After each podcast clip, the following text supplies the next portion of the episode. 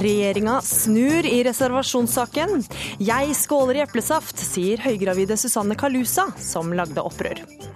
Hør hva regjeringa går glipp av.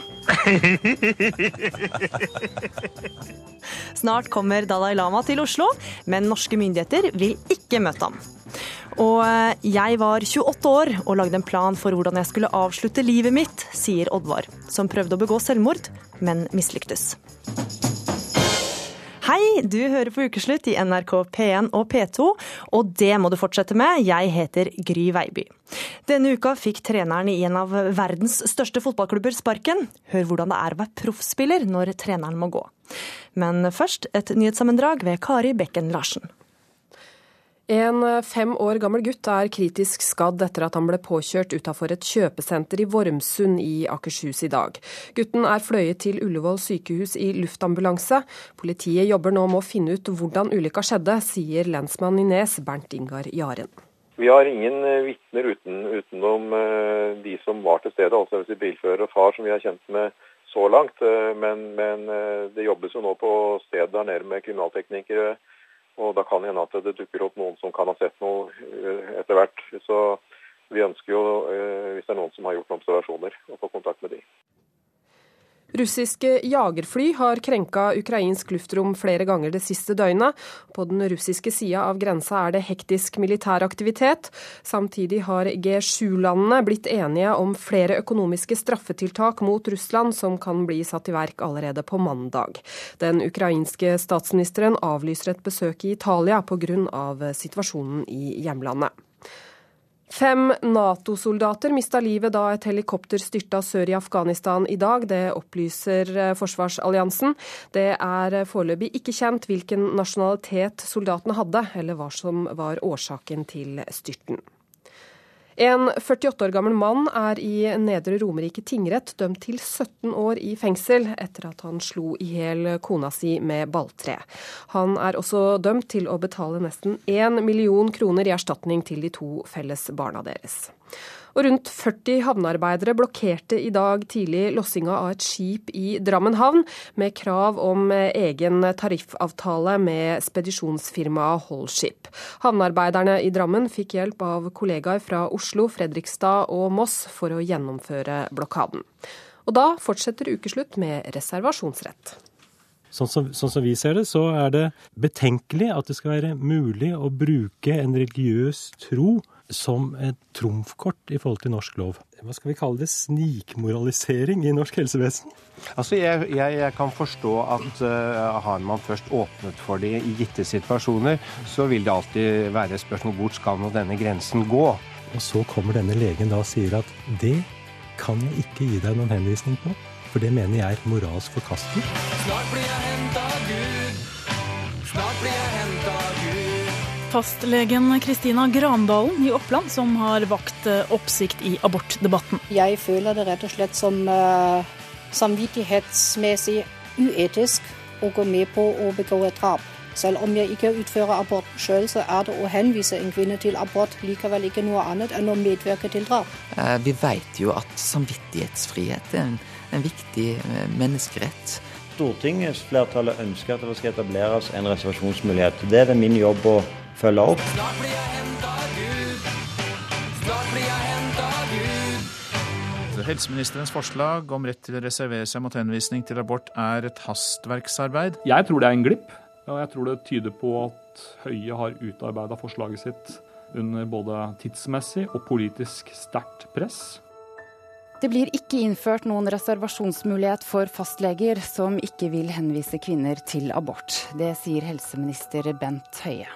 Det er fordi at eh, den har møtt eh, veldig sterk eh, folkelig motstand. Det å ha at leger skal reservere seg, er folk i Norge i veldig stor grad imot.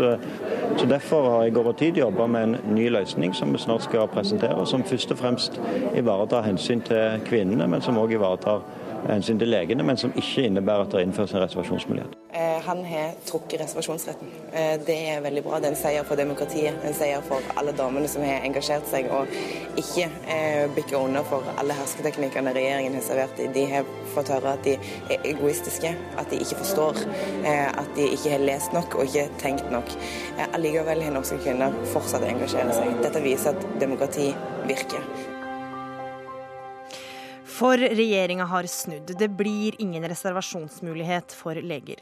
I går var det mange damer som eh, spratt champagnen, for saken om leger skal få reservere seg mot abort, har mobilisert. Og årets 8. mars-tog var det største på mange år. Om dere trekker litt nærmere Fritt valg! Fritt kropp! Fritt valg!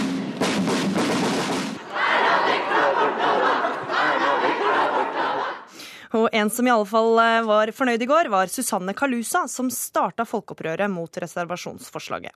Vi skal høre hva hun sier.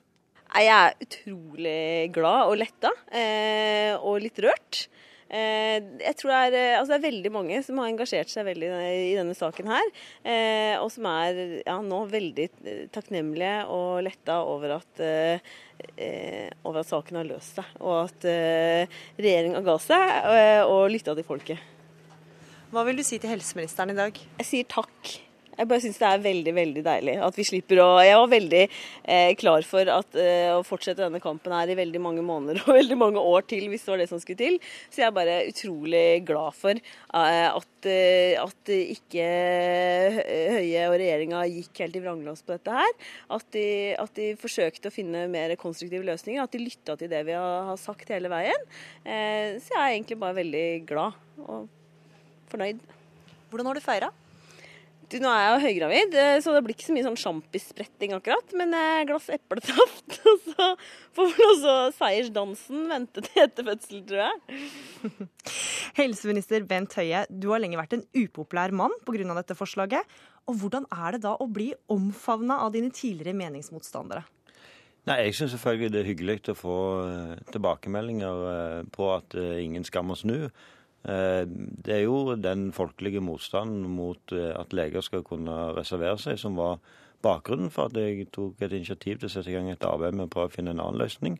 Så jeg er veldig glad for at vi har konstruktive samarbeidspartnere som òg har lytta til hva folk mener, og var åpne for å diskutere løsninger, og ikke var låst fast i det som vi på et tidspunkt mente kunne være en god løsning, men som folk gikk beskjed om ikke var det. Men undervurderte dere helt den folkelige motstanden i dette forslaget? Jeg har jo vært med i den debatten om eh, reservasjonsmulighet og rett og de ulike navnene det har hatt i, i lengre tid. Jeg har visst at dette var et kontroversielt forslag. Jeg mente nok at det vi lagde, den ordningen vi lagde i høst og sendte på høring, var en ordning som var eh, bedre enn det som var eh, diskusjonen når det var snakk om reservasjonsrett. Har folk misforstått det, eller? Nei, eh, men, men, eh, men så, så, var det jo da òg jeg veldig glad for at jeg eh, nesten en av de første dagene etter jeg var blitt helseminister, òg bestemte meg for at når vi da skulle eh, oppfylle denne avtalen som vi hadde med, med Fremskrittspartiet og KrF, at det måtte gjøres på en skikkelig måte, at det måtte sendes på høring, at vi måtte få fram alle detaljene, sånn at uh, vi fikk en god debatt før Stortinget skulle behandle saken, og at dette skulle forankres i Stortinget. Det er jeg veldig glad for i dag, fordi det hadde vi ikke gjort det på den måten, så hadde vi heller ikke hatt den muligheten til å høre uh, hva folk mente om dette, hva kommunene mente om det, og komme inn i en situasjon der vi kunne diskutere løsninger. Men hvorfor da før høringsfristen gikk ut? Det var rett og slett fordi at eh, når Kristelig Folkeparti sin leder var ute og sa at de var åpne for andre løsninger enn innføre en reservasjonsmulighet. Eh, da syns jeg det var òg riktig av meg å fortelle omverdenen at eh, ja, det er vi faktisk godt i gang med. Vi er i ferd med å presentere en sånn løsning. Vi skal høre noe av det du sa på pressekonferansen i går. Jeg har derfor uh, igangsatt et arbeid for å finne en annen løsning. Jeg er nå glad for at vi òg har fått uh, aksept for, uh, fra KrF for denne. Det blir derfor ikke innført noen reservasjonsmulighet. Ja, Du vil altså ikke si noe om hva den løs nye løsninga blir. Er det vanlig at en statsråd innkaller til en pressekonferanse for å si at man dropper ett forslag, uten å si hva alternativet blir? Altså det er jo, Jeg mener jo at det var jo eh, grunnen fra pressekonferanse for å fortelle omverdenen at vi ikke skal innføre en reservasjonsmulighet. Eh, det, men hva alternativet blir? Det ja, du ingenting om. Men, men det er jo en, jeg eh, så jo òg i går at det er jo en stor nyhet i seg sjøl at vi ikke skal innføre en reservasjonsmulighet. Og når da eh, KrF sin leder hadde vært ute og sagt at de var åpne for at det ikke skulle det, så syns jeg det var riktig å da fortelle omverdenen at nei, det blir ingen reservasjonsmulighet. Dette er noe som mange har vært engasjert i. Så er vi veldig nær med å finne en løsning. Jeg hadde jo tenkt at vi skulle si disse to tingene samtidig, samme dag, om ikke så veldig lenge. Men når da KrF var ute og sa at de var opp for en annen løsning, syntes jeg det var riktig å fortelle at ja, det blir ingen reservasjonsmulighet, og det er ikke lenge til en får presentert den nye løsningen. Burde ikke Hareide ha snakka med Vårt Land og sagt det han sa? Nei, jeg har ingen eh, Det er KrF sin leder. Han er, gjør det som han mener er fornuftig, og så må vi forholde oss til det. Etter det NRK erfarer, innebærer det nye forslaget at fastleger skal slippe å henvise til abort. Er det riktig? Jeg kommer ikke til å gå inn på den nye løsningen, og det sa jeg òg i går. at nå får eh, media og andre gode muligheter til å spekulere i hva den nye løsningen er. Det som jeg eh, kan si om den nye løsningen, er at den ikke innebærer at det skal være noen reservasjonsmuligheter. Eh, den vil være en forbedring av situasjonen for kvinner i forhold til det som er dagens løsning. Fordi det var ikke et alternativ for meg å bare droppe reservasjonsmuligheten og fortsette som nå. I dag, under det systemet som er arva fra forrige regjering, er det fortsatt sånn at kvinner kommer på legekontoret og opplever at eh, leger nekter å henvise til abort. Det ønsker ikke jeg. Så får kvinner da få vite om eh, fastlegen er motstander av abort?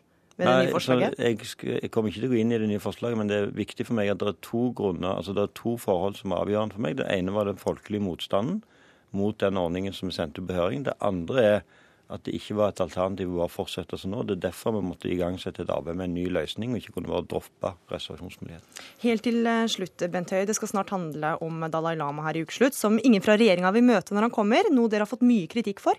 Dere kommer ikke til å snu i denne saken også, da? Nei, når det gjelder spørsmålet om Dalai Lama, så kommer jeg til å forholde meg til det regjeringen har beslutta, og det er ikke mitt ansvar å håndtere den type spørsmål. Takk for at du kom til ukeslutt. Det har vært en eh, trist tid for Manchester United-supportere.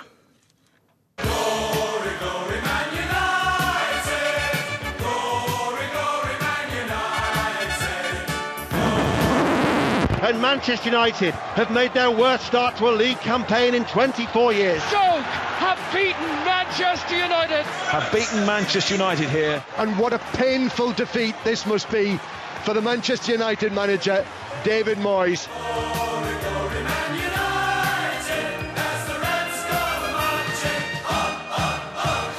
Ja, her hørte du noen av tapene etter at fotballtrener David Moyes tok over, det, tok over det som er en av verdens største fotballklubber.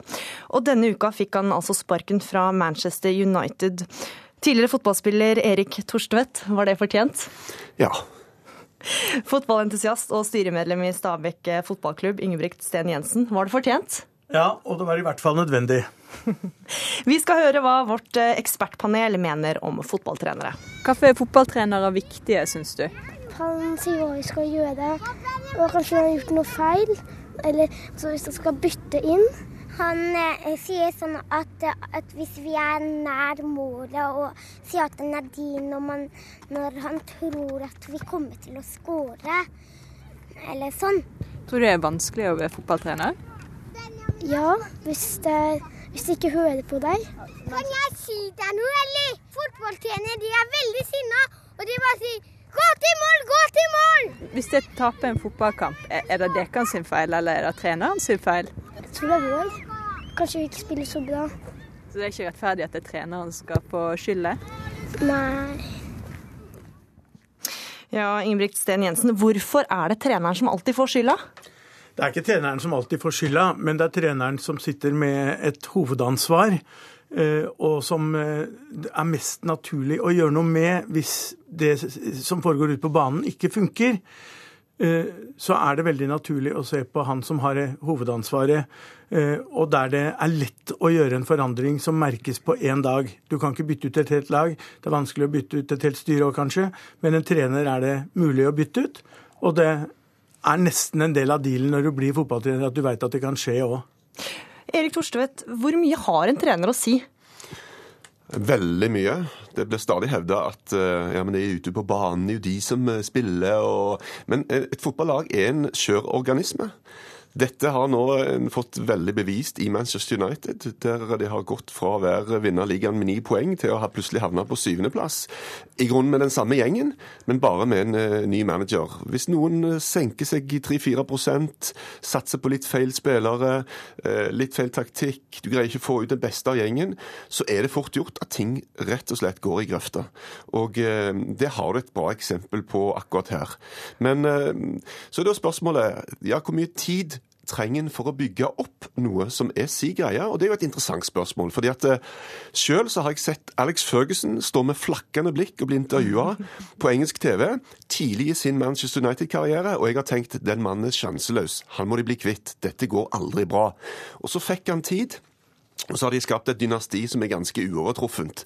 Så en kan heller vurdere ja, men vil det bli bedre. Mm. Men i dette tilfellet med Moyes, så, så ingen har noen som helst håp alle bare avskrevet alt håp om at det kommer til å bli bedre neste sesong. Og da er det bare én ting å gjøre. Når alt håp er vekke, når ingen har gnisten og troen på framtida, så må du bare cut your losses og prøve på noe nytt. Men er du enig i at burde ikke spillerne også ta litt av skylda for dette her, da?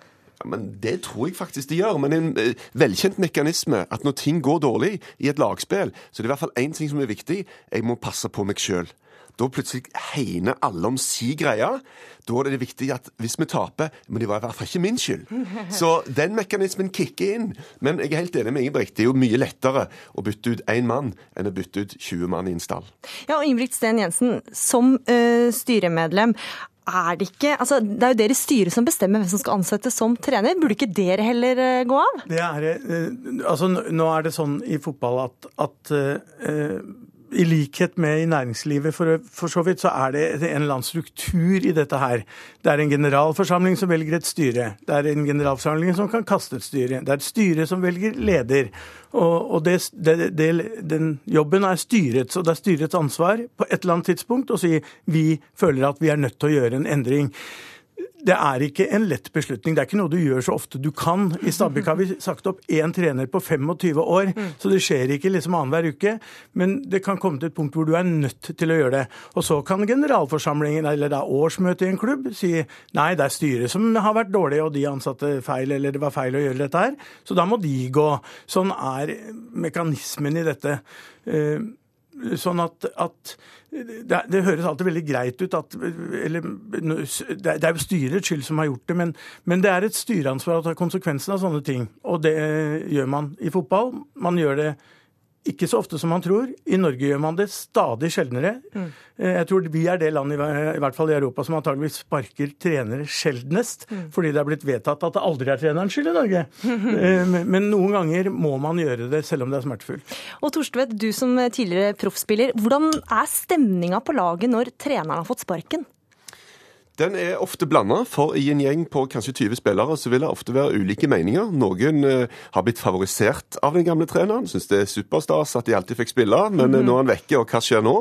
Mens andre har vært eh, sure på han og syns han er en ræva fyr. Og, og jeg har sittet i garderober der du skal utpå, og du er litt usikker på om alle egentlig vil at vi skal vinne i dag. For hvis vi taper, så får han fyren der sparken, og det vil faktisk mesteparten i denne garderoben her bli kvitt. Får jeg spørre Erik et spørsmål? Fordi det er noe som blir et veldig, populært begrep blitt dette med 'han har mistet garderoben'. Mm. Altså i betydningen han er ikke sjef, og, er ikke sjef og har kontroll på garderoben. Har du opplevd det? det jo, men, men, jeg tror det oftere det at, som jeg nevnte, at det er blanda ulike mm. meninger. Og ofte hvis jeg leser i avisene, for det er så kult å hive det ut For med en gang en skriver i avisa at han har mista garderoben, da er alt håp ute. Da kan du bare glemme det. Og det, da tenker jeg ja, men er dette virkelig sant? Hvem eier den sannheten? Ja. Hvis én spiller sier at det er tilfellet, så er ikke det sikkert at det faktisk Nei. er sånn. Det kan være flere som vil beholde han, enn som vil bli kvitt han. Men hvordan er det å være på et lag når det er dårlig stemning? Det er jo ikke det kjekkeste i verden, men eh, hvis du spiller fotball, så er faktisk det en del av, av hele pakken. Og hvis du er fotballfan, så er det en del av hele pakken. Og Derfor så syns jeg ikke synd på Manchester United-fansen en halv millimeter engang. Ingen sympati fra deg? Absolutt ingen sympati. Fordi at de har vunnet så mye de siste åra, og på en pervers måte så tror jeg at noen av de til og med syns at dette som skjer nå, det er OK. Fordi at de får alltid slengt i trynet at de er medgangssupportere. De er bare med Ja. fordi de hanker inn pokaler hele veien. Og nå får de mulighet da, til å stå last og brast med laget sitt når det faktisk går dårlig. En eh, oppfordring eh, fra deg her. Og i kveld så er det første kamp hvor eh, Ryan Giggs leder storklubben. Hvordan er forventningene? Jeg har spilt steinhardt på oddsen til Norsk Tipping på Manchester United. I dag vinner Manchester United. Det er jeg villig til å ja, Eller det har jeg allerede vedda mye penger på. Jeg tipper de vinner med tre mål, til og med. Og du, Torstein? Jeg ser jo at Alex Ferguson nå er ute og sier at Ryan Giggs bør få jobben på permanent basis. Men etter hans hånd om den siste ansettelsen i Manchester United, så syns jeg Ferguson skal ligge ganske lavt akkurat nå. Men United, de vinner. Det blir spennende å se. Tusen takk for at dere kom til ukeslutt. Ingen fra regjeringa vil møte Dalai Lama når han kommer til Oslo. Og Besøket til den buddhistiske lederen har skapt hodebry for norske myndigheter som ønsker å forbedre forholdet til Kina.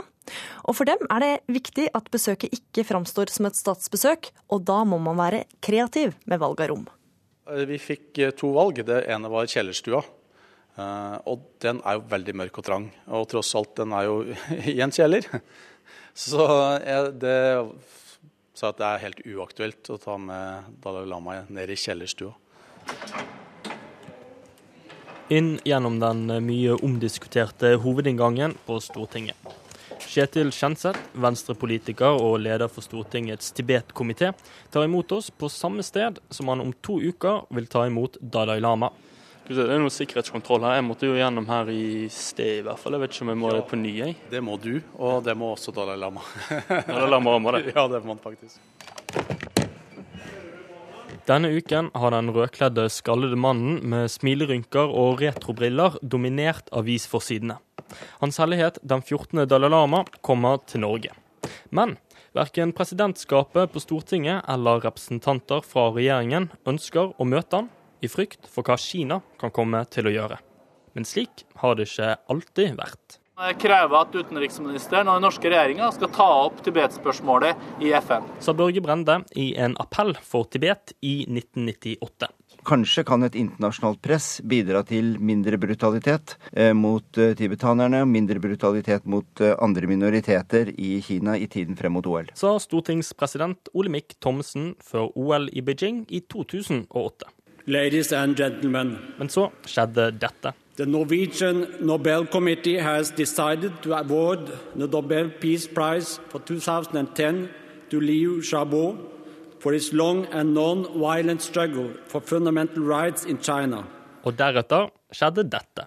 Hvis eh, norske myndigheter tar imot eh, Dalai Lama, eh, så vil det vanskeliggjøre mulighetene våre for å normalisere det bilaterale forholdet. Så da tar vi en liten tur inn i den lagtingssalen. Tilbake på Stortinget med Kjetil Kjenseth. Uten at noen prøver å stoppe oss, går vi inn i lagtingssalen. Den er til forveksling lik den mer kjente stortingssalen, bare grønn og mye mindre. Når profilerte og viktige mennesker er på besøk, brukes ofte denne salen som møterom. Men eh, Dalai Lama får ikke komme innenfor de store tredørene. Eh, Når vi ser på salen her med de lyse kronene og stukkaturer og, og utskjæringer, så er jo den en flott og representativ sal. Og den har jo en ærverdig historie. Her kunne han virkelig fått eh, en eim av eh, mye god eh, historie knytta til menneskerettigheter og demokrati, og, og hvordan en kan utvikle et, eh, et demokrati på et bedre vis enn de har gjort i Kina. Eh, men dessverre, det ble ikke mulig. Men Er han reservert til noe annet eh, denne dagen, eller? Nei, faktisk så er eh, hele Stortinget åpent for publikum den dagen her. Eh, Og der Stortinget inviterer litt alle inn. Så det er litt pussig at eh, på en sånn dag så skal, skal en menneskerettighetsforkjemper holdes utenom deler av Stortinget, mens hele Norges befolkning inviteres til hele Stortinget. Uh, Ja, skjønn det, den som kan. Selv om stortingspresidenten og regjeringen stenger av, mener folk på Eidsvolls plass foran Stortinget at eh, Dalai Lama er velkommen. Hva tenker du om at disse politikerne våre ikke vil ta imot eh, Dalai Lama? Jeg syns det er litt synd. Det er en tråkig historie. Jeg syns absolutt at de bør eh, overveie det på nytt. Jeg er enig med jeg tror det var Bondevik som eh, sa at vi ikke skal følge andres lands eh, pisker, for å si det sånn. Oslo-senteret? Hei sann, dette er fra NRK. Jeg har en avtale med Bondevik klokken ett. jeg. Ja. På Oslo-senteret venter Kjell Magne Bondevik, som i sin tid som statsminister møtte Dalai Lama. Men også han kjente presset fra Kina, og måtte ta stilling til om hvorvidt det var klokt å møte den tibetanske munken. Det er veldig vanskelig å vite hvor sterkt kineserne vil reagere, men de har jo sendt sin advarsel på forhånd. Så dette er en avveining mot det å møte en religiøs leder og en menneskerettighetsforkjemper. I andre land har de jo løst dette da ved at eh, presidenten i USA sier at det var et privat besøk, det var ikke et offisielt besøk. Eh, I Storbritannia tror jeg statsminister Cameron møtte han hos, eh, hos erkebiskopen i den anglikanske kirke og i hans hovedkvarter, altså ikke i Downing Street nummer ti. Eh, og da markerte han at jeg møter han som religiøs og ikke politisk leder. Så det er også andre land som gjør en balansegang her. Hvordan var det møtet med han? Dalai Lama er en veldig hyggelig, vennlig mann, og så har han masse humor. Og ler veldig godt. Eh, og så har han dette berømte silkeskjerfet som han gjerne legger rundt halsen på, eh, på de han møter, og det fikk jeg. Eh, og det tror jeg også fikk da han var på statsministerens kontor i 2005. Jeg har med et bilde fra Aftenposten her fra når du møtte han i 2005. Skal vi se. Og her står du jo med, med det hvite skjerfet. Husket han deg da, når du møtte han igjen? Ja, det tror jeg. Eh, men jeg husker at han eh, lo godt da han la dette silkeskjerfet rundt halsen min på statsministerens kontor i 2005. Og jeg da klappa hendene liksom mot hverandre og bukka i ærbødighet, sånn som jo er vanlig i eh, Asia. Og spesielt overfor buddhister også, som en hilsen. Da lo han hjertelig. For han skjønte vel at dette var ikke helt vanlig for meg. Kanskje var jeg litt stiv, jeg veit ikke. Men da hadde han det moro. Eh, det blir livlig. Eh, og det er ikke nødvendigvis alltid sånne veldig spesielle vitser eller historier som skal til, men han ler bare av en situasjon en tekopp som velter, eller et skjerf som legges rundt halsen, sånne ting. Da kommer den karakteristiske latteren til Dalai Lama frem, og det er befriende. Og hvis du skulle være i tvil, den befriende latteren høres altså slik ut. Da skal vi inn uh, her. På Stortinget er vi kommet frem til endestoppet. Møterommet som Tibet-komiteen får bruke til Dalai Lamas besøk tross alt i hvert fall et litt luftig og stort møterom, så at det blir plass til eh, alle som har meldt seg på. Eh, men med mediefolk og kameraer og sånne ting, så blir det jo, blir det fullt. Har du møtt ham før? Nei, det har jeg ikke gjort. Så det, det er eh, tror jeg er spesielt å møte han. For det er jo en, en, en figur som har eksistert i hele min levetid blant de som kjemper for menneskerettigheter, så er han et ikon. Eh, og det er, eh, det er stort. Og Dalai Lama kommer til Oslo den 7. mai, og arrangementene han skal delta på er utsolgt. Reporter i dette innslaget var Jaran Ree Mikkelsen. Du hører på Ukeslutt her i NRK P1 og P2. Snart skal du få være med samferdsel samferdselsministeren på biltur. Frp gjør det billigere å importere forurensende sportsbiler og hisse på seg miljøbevegelsen. Og viktig med egen prest på Stortinget, mener Martin Kolberg. En prest har ingenting der å gjøre, svarer Human-Etisk Forbund. Oddvar Vigenes, fortell om sommeren 2009. Eh, sommeren 2009 er en av de beste somrene jeg noen gang har hatt. Eh, da eh, gikk jeg og Altså, jeg brukte mye tid med familien, veldig mye tid med venner. Jeg sykla en god del. Jeg var i mye bryllup. Jeg var både toastmaster, jeg var mye gjest. Og var veldig mye på Finnøy. Og, og hadde en fantastisk sommerferie. Mm. Og du planla da altså å ta ditt eget liv? Eh, For i en hyppig delt kronikk i Aftenposten så forteller du om dette, og, og den heter 'Det er ingen som forventer at toastmasteren skal begå selvmord', skriver du. Ja. Og det, det, det er jo Det er den rollen jeg spilte som gjorde at jeg kunne holde dette her skuespillet gående. Er at jeg er toastmaster. Jeg er, driver på med underholdning og har, har den evnen at jeg kan, eh, jeg kan skru på en knapp, og så kjører jeg eh, løpet. Og da gikk plutselig eh, Oddvar nødt til å slutte å, å være nesten til stede utenom når jeg kom tilbake til leiligheten. og min og var for meg sjøl, og utenom så styrte jeg og dirigerte jeg egentlig et vanvittig skuespill. Og hvordan klarte du det? Det er, det er det jevnen som du har fra den toastmaster-rollen og konferansier. Du må være forberedt på alt eh, uforutsette ting. Du må være forberedt på å. Du må ha du må være forberedt på å glatte over. Du må ha vanvittig mye eh, altså humor på egen bekostning. Og sammen med deg sitter Marit Meltveit Vignes. Du er mamma. Hva husker du fra sommeren 2009? Egentlig ikke så mye. At at det var en vanlig sommer, og det var alltid kjekt når han Oddvar kom hjem på ferie. Mm. Så, så jeg, jeg tror ikke vi la merke til noe unormalt. Han virka helt som vanlig. Helt som vanlig. I godt humør.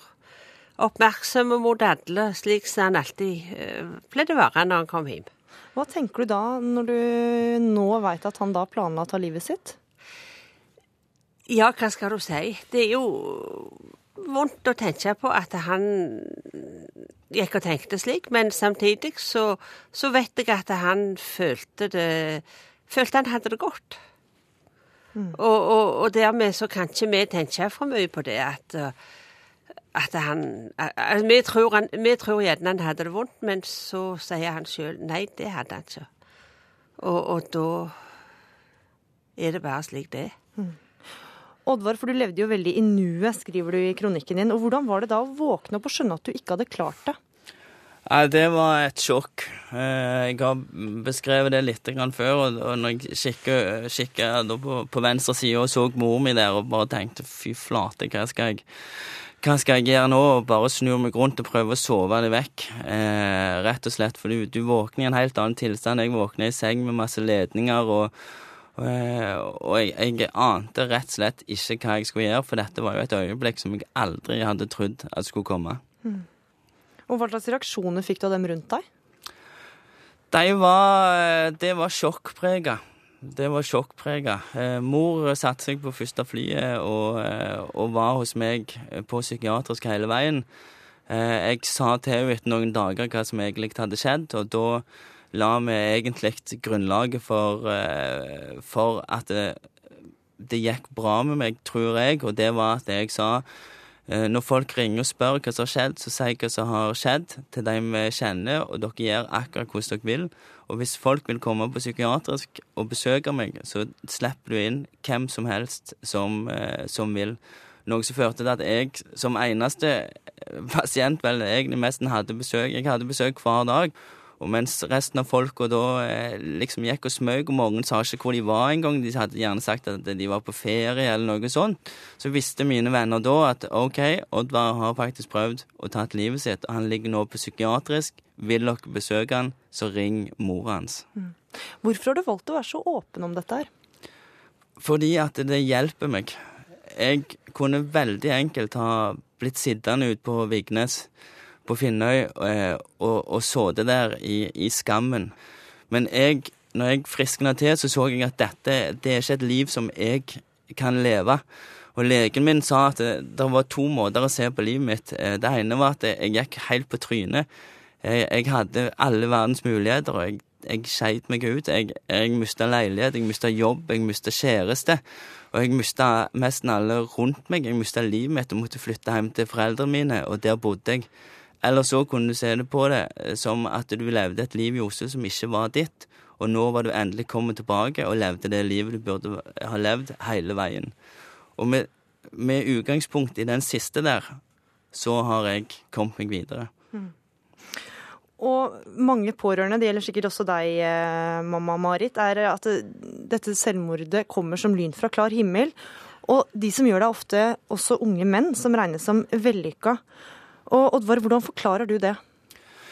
Jeg tror det er sammensatte grunner, og jeg er, ikke, jeg er ikke noen forsker. Men av det jeg har lest, og det jeg ser, eh, så er det at det er ganske vanskelig for oss. Vi havner i et lite vakuum. For, for fedrene våre, de, de, gikk gjerne ut på skogen og hogde ved dem. Og som jeg har sagt tidligere i dag, altså det større problemer de hadde, det større skog trengte de bare. Mm. Og, og, så jobbet de gjennom det. Eh, mens vi har ikke det. Vi skal være ganske mange ting i tillegg til, eh, i tillegg til at vi skal takle oss sjøl. Og det er mye lettere for oss for en mann å kunne ta ansvar. Kanskje til en kjæreste sier 'kom her, jenta min, skal jeg trøste deg', eller til ungen, eller 'dette her går bra', og være sterk og stor og, eh, og trøstende. Men når du sjøl skal være svak, så tror jeg det er et eller annet som klikker opp i hodet vårt, og så klarer vi ikke å tillate oss å si til en kompis eller en arbeidskollega, eller at du går til fastlegen din og sier 'vet du hva, jeg, jeg har det litt tungt' for tida, eller det er et eller annet som, som ikke stemmer for tida. Mm det tror jeg er et ganske stort nederlag. Og, og, når vi ikke gjør det i starten, så får det plutselig fritt spillerom, og så havner det, kan det faktisk havne så galt som meg, eller enda verre som mange andre som ikke våkner opp. I Norge så dør dobbelt så mange i selvmord som i trafikken. Og hva skulle du ønske at du visste den gang da, eh, som du vet nå? Jeg skulle ønske at jeg visste at jeg kunne flytte hjem til Stavanger og Rogaland fra Oslo og få til et veldig bra liv. Det skulle jeg ønske at jeg visste. Takk for at du ville dele historien din, Oddvar Vignes. Takk også til mamma Marit Meltveit Vignes. Vi skal over til en helt annen sak. For eh, regjeringa gjør det billigere å importere brukte sportsbiler med store motorer, også kjent som bensinsluk. Og mens Amcar-miljøet jubler, raser miljøbevegelsen. Reporter Maria Lavik dro på kjøretur. Det brummer, dette. Min drømmebil Jeg kunne veldig godt hatt en Corvette. Jeg kunne òg veldig godt hatt en Ford Mustang, men den bilen jeg drømmer aller mest om, det er nok en Dodge Viper. For meg som har bodd eh, noen år i USA, så bringer dette tilbake gode, gamle minner om mange eh, opplevelser jeg har hatt eh, innenfor amerikansk bilkultur. Get your motor running. Ketil Solvik-Olsen sitter bak rattet på en strøken Corvette C5 2003-modell. En sportsbil som det nå er blitt rundt 80 000 kroner billigere å importere til Norge. Dette er jo noe som skjer fordi at Frp i opposisjon fremmer et forslag om å gjøre endringer. Vi har lenge syntes det var urimeligheter i avgiftssystemet med at biler som var mellom 15 og 30 år gamle, ble behandla aldersmessig helt likt. De nye reglene gjør det opptil 15% billigere å importere biler som er mellom 6 og 29 år gamle. Biler over 30 år vil fremdeles ha null importavgift. Altså, dette vil være relativt få biler som blir berørt av. Eh, sånn at du får noen flere entusiaster som tar hjem litt nyere biler enn de ellers ville gjort. Istedenfor å kjøpe 30 år gamle biler, så kjøper de gjerne 8-9 år gamle biler. Selvsagt, isolert sett, for en, en, en som kun er opptatt av utslipp fra én og én bil, så kan jeg godt tenke meg at dette er litt rød klut. Ja, nå er vi kommet oss i gang. Bilen er jo helt stille. Ja. Så første gang jeg kjørte en elbil, så tok det meg kjempelang tid å skjønne at vi var kommet ut på veien. Jeg heter Kari Elisabeth Kaski, nestleder i Zero. Eh, og den bilen vi kjører nå, er en E-Up Volkswagen. Dere er jo en Volkswagen-jente, så jeg er veldig glad for at de har kommet med, med elbil nå. Miljøorganisasjonen Zero er ikke begeistra for Solvik-Olsen sitt avgiftskutt. Eh, vi er jo eh, også bilentusiaster i Zero, eh, og tror jo bilen er kommet for å bli. Men det som er viktig, er at vi har et avgiftssystem der det er, lønner seg å velge miljøvennlig, og der det er dyrt å forurense. Det er klart at de bilene som han gir avgiftslette til, er noen av de mest forurensende bilene. Bilene det er snakk om, det er import av biler som allerede er produsert. Og, og hvis de kjører rundt i USA eller Sverige og forurenser, så er jo det litt det samme som om de hadde kjørt rundt og forurensa her i Norge. Mm. I det store bildet så gjør jo ikke dette her noe. Ja, men vi, Norge har en unik posisjon, for vi har allerede bygd oss opp som en elbilnasjon. Eh, og kan bygge oss opp også som en hydrogenbilnasjon. Og dette er et arbeid som vi bør videreføre, der vi er eh, det landet der bilprodusentene kan sende sine nye nullutslippsbiler til. Eh, så vi er virkelig et foregangsland på elbil, og bør fortsette å være det og videreføre det arbeidet. Hans Jørgen Herje. Det var Ketil Solvik-Olsen. Ja, som var en flott bil, da. Hans Jørgen Herje er korvettentusiast. Han har lånt ut bilen til samferdselsministeren som takk for lågere avgifter. Jeg har med en jakke til deg. Det er eh, fra Norsk Korvetteklubb. Her. Håper jeg traff på størrelsen, da. Ja, XL, eller noe? Ja, det var det. Jeg skal, jeg skal til USA på en konferanse nå i, i september. Til Ja. Detroit, tilfeldigvis. Da, da er det greit å ha bekledningen i orden. For oss som driver med amerikansk bil, så er det en lang kultur. Det er en Mm. kultur når det gjelder Corvette som har vart fra 1954. Og, og på mange måter så er det er jo det å både kjøre dem og oppleve dem og stelle dem og gnikke på dem, det blir nesten som en kone nummer to. Born to be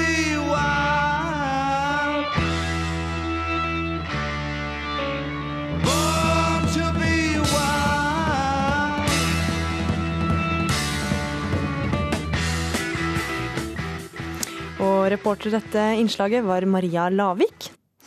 Skal Stortinget ha sin egen prest? Siden 2007 har presten Per Arne Dahl hatt 20% stilling som stortingsprest. Nå har han fått jobb som biskop, og spørsmålet om Stortinget skal fortsette å ha sin egen prest, er oppe til vurdering. Og Martin Kolberg, du er fra Arbeiderpartiet, og du vil ha prest på tinget. Hvorfor det? Fordi at denne prestestillingen har fylt en eh, god og viktig rolle i Stortinget.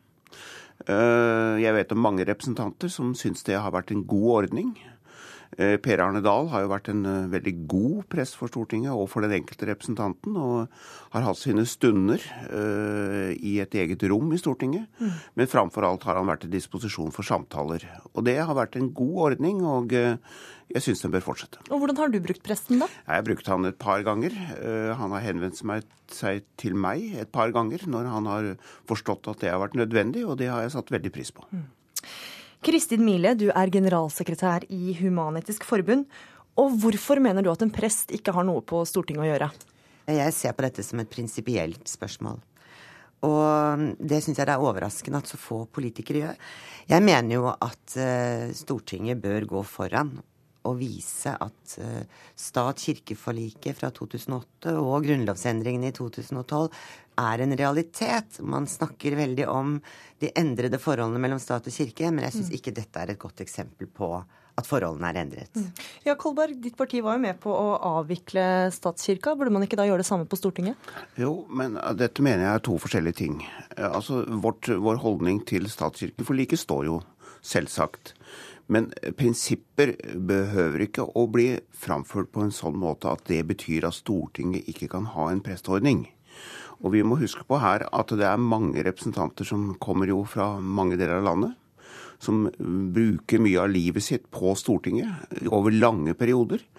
Og eh, når de har behov for å ha kontakt med en prest, eller føler behov for å kunne føre samtaler, eller gå på, til stunder hvor de eh, snakker om saker og forhold som angår dem, og som er viktig for dem, så er det bra for Stortinget.